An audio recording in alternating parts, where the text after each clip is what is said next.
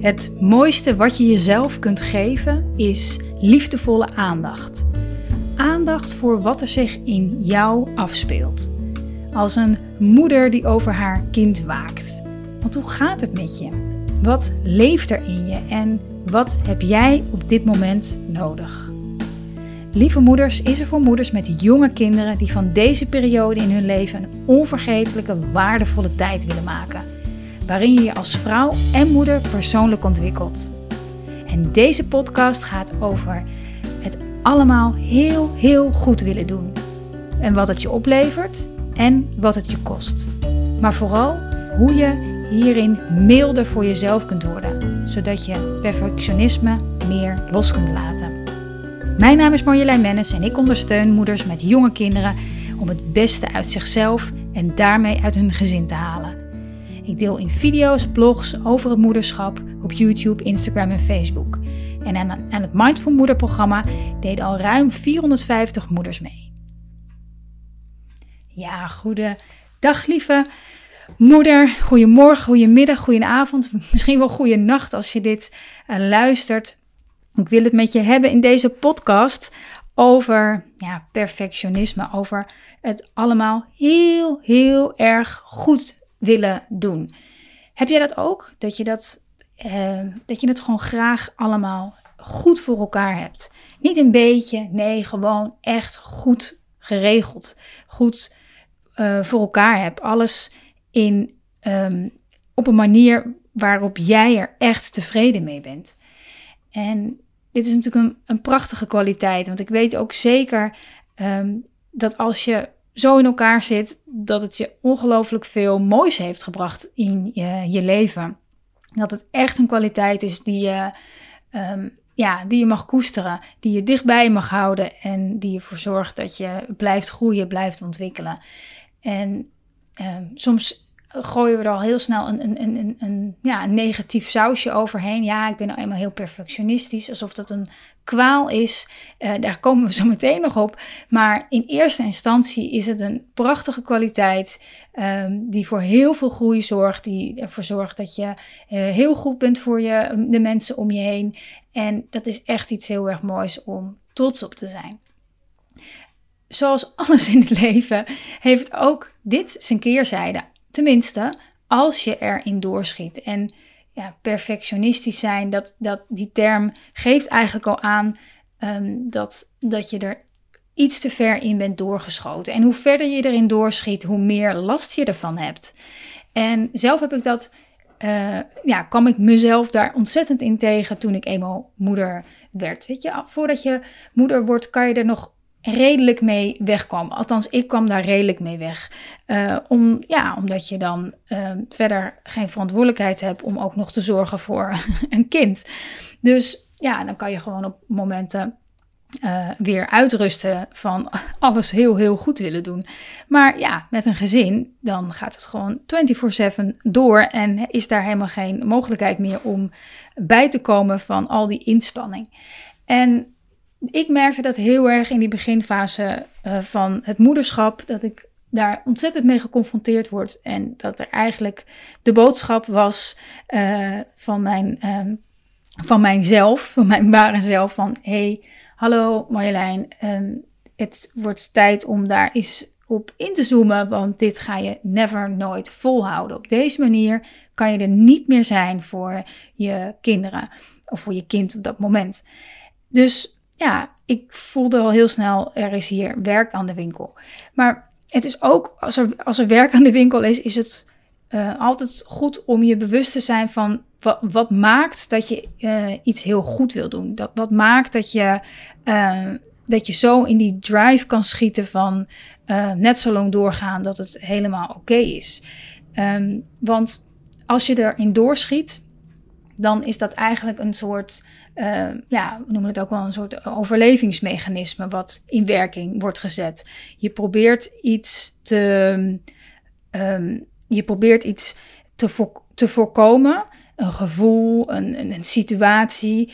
Uh, en daardoor ga je heel erg je best doen om eigenlijk uit angst om datgene te voelen, datgene te ervaren, ehm, wat er gebeurt als je dat niet doet. Dus je bent iets aan het, ehm, ja, aan het voorkomen uit angst. En bij mij was dat, uh, ik merkte heel erg dat ik mijn, uh, mijn zoon destijds, dat ik, of destijds, ik heb hem nog steeds gelukkig, maar uh, toen hij nog klein was, dat ik hem probeerde, ik probeerde het heel goed te doen. Want de, het idee, gewoon het, het idee dat hij mogelijk ongemak kon ervaren, of pijn, of wat dan ook, dat idee, dat kon ik bijna niet verdragen. Als ik daar nu aan terugdenk, dan kan ik dat nog zo me levendig voorstellen dat ik dacht, dit kleine mini-mensje mag nooit pijn ervaren. Zo, voel, zo sterk voelde ik dat. En eh, als iemand dan zei, ja, maar je kan, kan kinderen daar niet voor behoeden en daar groeien ze ook van. Dan dacht ik alleen maar, jij moet weg. jij moet weg uit mijn, uit mijn omgeving. Want dit kind gaat nooit pijn ervaren. Ik was echt als een, als een moedertijger erbovenop. Um, en ergens is dat natuurlijk een, uh, uh, ja, is dat natuurlijk ook een natuurlijk gevoel hè, van. Um, ja, je kind willen beschermen en dat hebben we allemaal. Gelukkig is dat mechanisme allemaal in, ons. Dat zou anders wat zijn.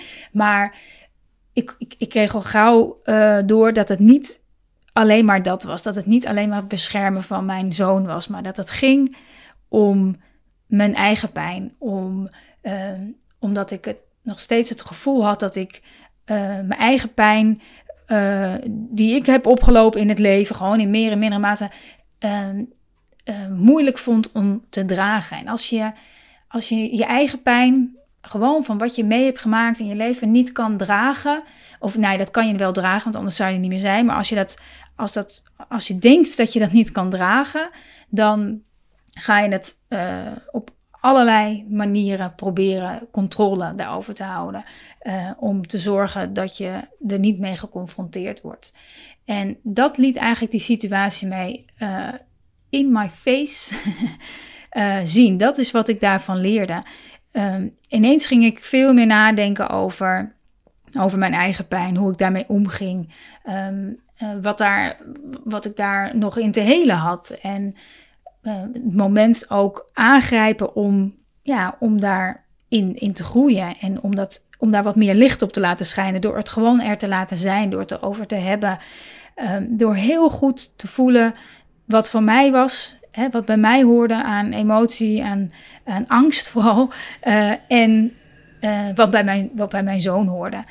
En toen ik dat meer los van elkaar leerde, te, leerde te zien, ervaren, kon ik ook mijn, mijn, leerde ik mijn eigen pijn weer opnieuw of op een andere manier te dragen. En kon ik er veel meer zijn ook voor, voor mijn zoon. En, um, want ja, dat, dat het heel goed willen doen, daar zit altijd, hè, of perfectionisme, daar zit altijd een, een angst achter. Er zit altijd een angst achter um, van wat gebeurt er als ik dit niet doe? Wat gebeurt er?